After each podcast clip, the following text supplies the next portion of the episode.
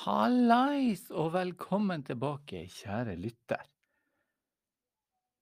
Vi er nå eh, midt inn i julestria, og vi skal snakke om eh, våre roll roller i livet.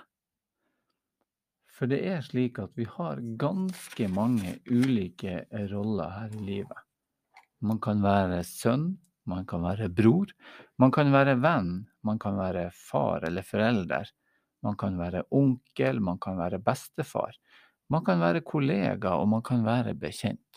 Det er altså veldig, veldig mange roller vi skal fylle hver eneste dag. Og vi kan nok alle kjenne på det. Det å kanskje ikke være en god nok sønn.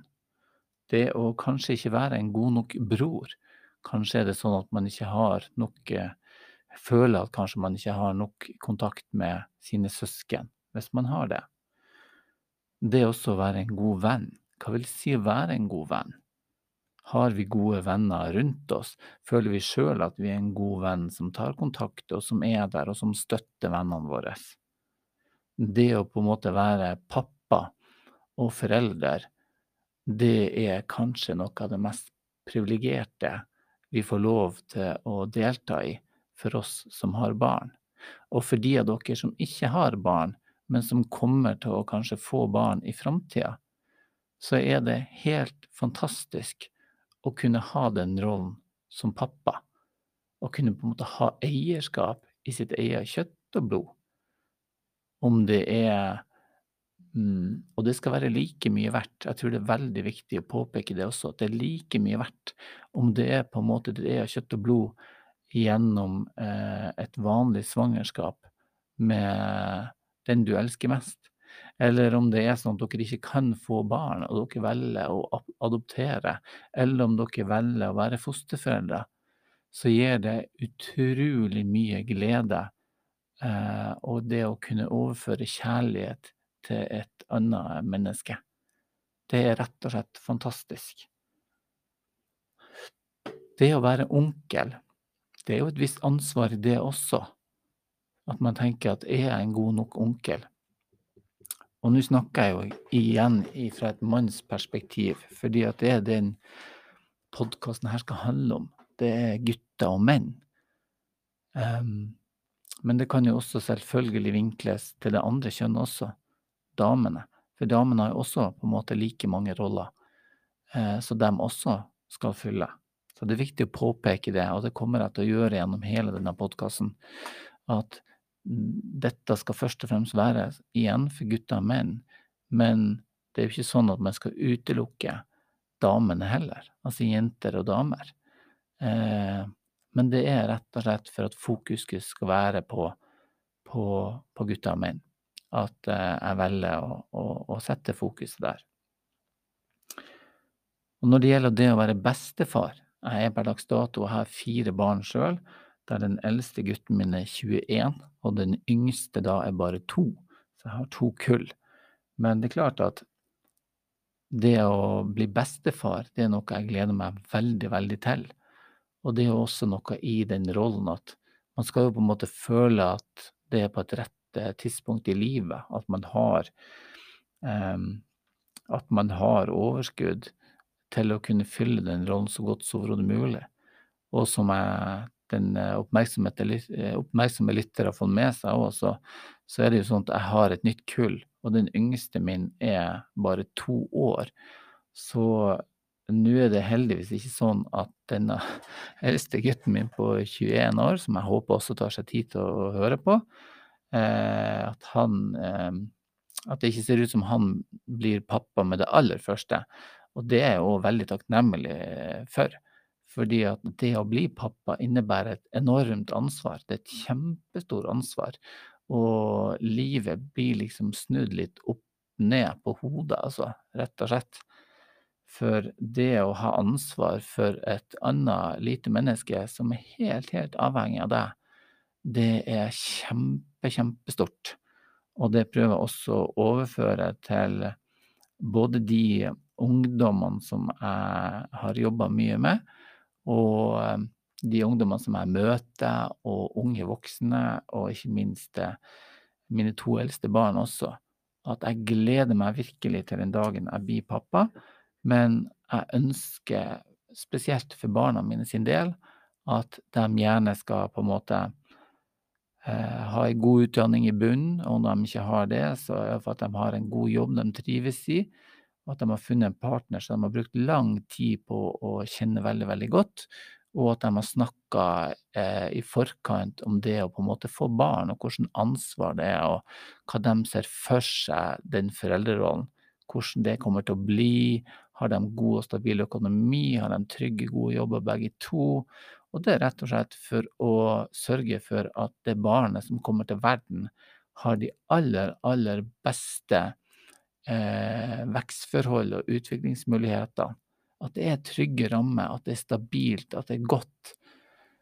For ved å legge trykket der, så vil man også på en måte Da vil man ikke på en måte, men da vil man også redusere helt klart antallet samlivsbrudd, eh, der vi også ser en klar tendens til at de aller fleste samlivsbrudd, eh, de går jo ad undas, som det heter. Altså de de brytes eh, når barnet er veldig, veldig lite. Altså gjerne før toårs-, treårsalderen og til sånn førskolealder. Så er det veldig mange par som går fra hverandre. Og det er fordi det er en ekstremt krevende fase eh, å gå igjennom med kanskje veldig lite søvn, med kanskje kolikk, med kanskje søvn, altså, um, sykdom. Eh, det blir veldig lite tid til å pleie kjærlighet. Og osv. Mange, mange faktorer. Det å være en god kollega, hva innebærer det å være en god kollega? Eh, at man kan snakke om ting, at man er flink til å lese kroppsspråk. Man kan på en måte smile og spørre hvordan går det? Og etter hvert, hvis du kjenner kollegaen din ganske godt også, og er ganske flink til å lese kroppsspråk, så kan det jo være sånn at du kan spørre kollegaen din går det bra med deg, er det noe jeg kan bistå med. Og selv om kollegaen din, eh, og hvis det nå er en mann, da, eh, kan også være en dame, men spesielt menn, eh, så er det noe med menn som bare liksom bare Nei, nei, det går helt fint. Her er, det, her er det ingen problemer. At man velger på en måte å ikke å ikke vise sitt sanne ansikt, og ikke, ikke tør å på en måte vise overfor andre svakhet i gåseøya. Altså det er jo helt motsatt. Det er jo en styrke å faktisk kunne fortelle om sine følelser og tanker. Eh, men vi er jo ikke opplært til det. Altså menn, gutter menn er ikke opplært til det.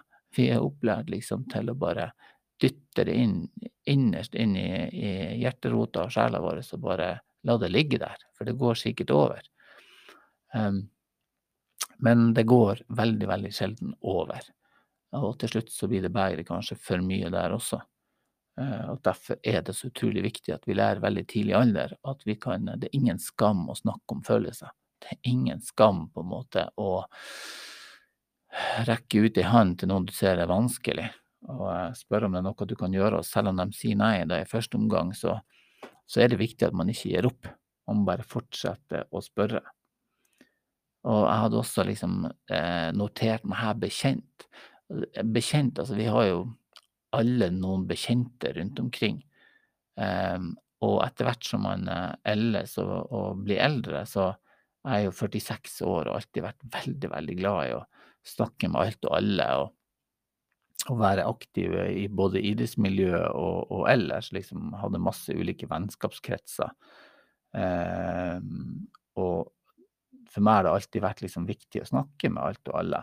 Og det er klart at det var først i i voksen alder, altså da vil jeg si i ganske voksen alder, at jeg passerte gjerne 30-35 år, at jeg kunne nesten se tilbake og tenke på veldig mange som enten falt ut av arbeidslivet, eller en del av de som valgte å avslutte livet sitt, um, eller så havna ut i, i rusmiljøer eller i kriminalitet eller på uføre, eller hva det var. Altså, da snakker vi Da snakker vi Én ting er å falle ut på uføre fordi at man har plager som gjør at man på en måte ikke kan stå i arbeidslivet. Og tenker jeg at det er helt innafor.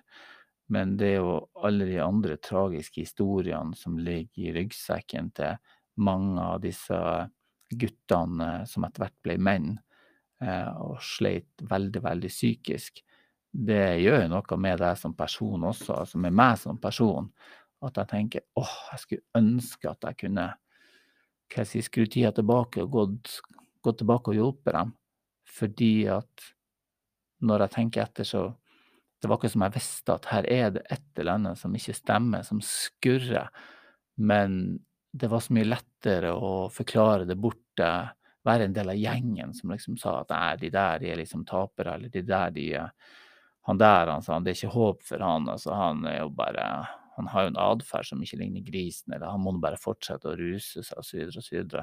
Men det man kanskje fant ut i ettertid, eh, når man ble eh, en god del eldre også, det var at det, det lå på en måte en, eh, en historikk bak der som var prega av både psykisk og fysisk vold, og eh, psykisk syke foreldre, og eh, rusmisbruk blant foreldre, og og ufør på en måte som hadde gått i arv eh, nesten gjennom generasjoner. Og, og eh, Nei, det var veldig mye etter seksuelt misbruk osv. Så, videre. så det, det gjør meg nesten trist å snakke om det, men desto viktigere er det at vi løfter det opp og snakker om det. For én plass må vi starte, og starte der tror jeg er veldig, veldig fornuftig. For igjen, vi går midt inn i julestria nå. Det er veldig mange som eh, sliter og har det vanskelig i denne jula, og deriblant undertegnede også. Ehm, det var sånn at eh, når jeg var kanskje på mitt Ja, jeg var kanskje i et, et veldig sårbar eh, eh, alder i livet mitt, så, så, var det sånn at eh, min mor eh, fikk brystkreft og døde av brystkreft i løpet av nesten bare tre uker eh, når jeg var 20 år gammel.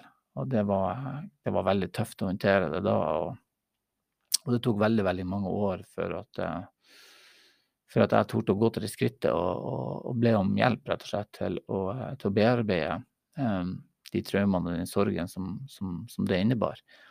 Um, Og, og, det er klart, det var tre uker midt i, i julestria. Det var vel rundt denne tida, kanskje ei uke, ja, noen dager fram i tida, at min mamma uh, begynte å se veldig, veldig dårlig. og, og og døde da 8. Eh, januar eh, året etterpå.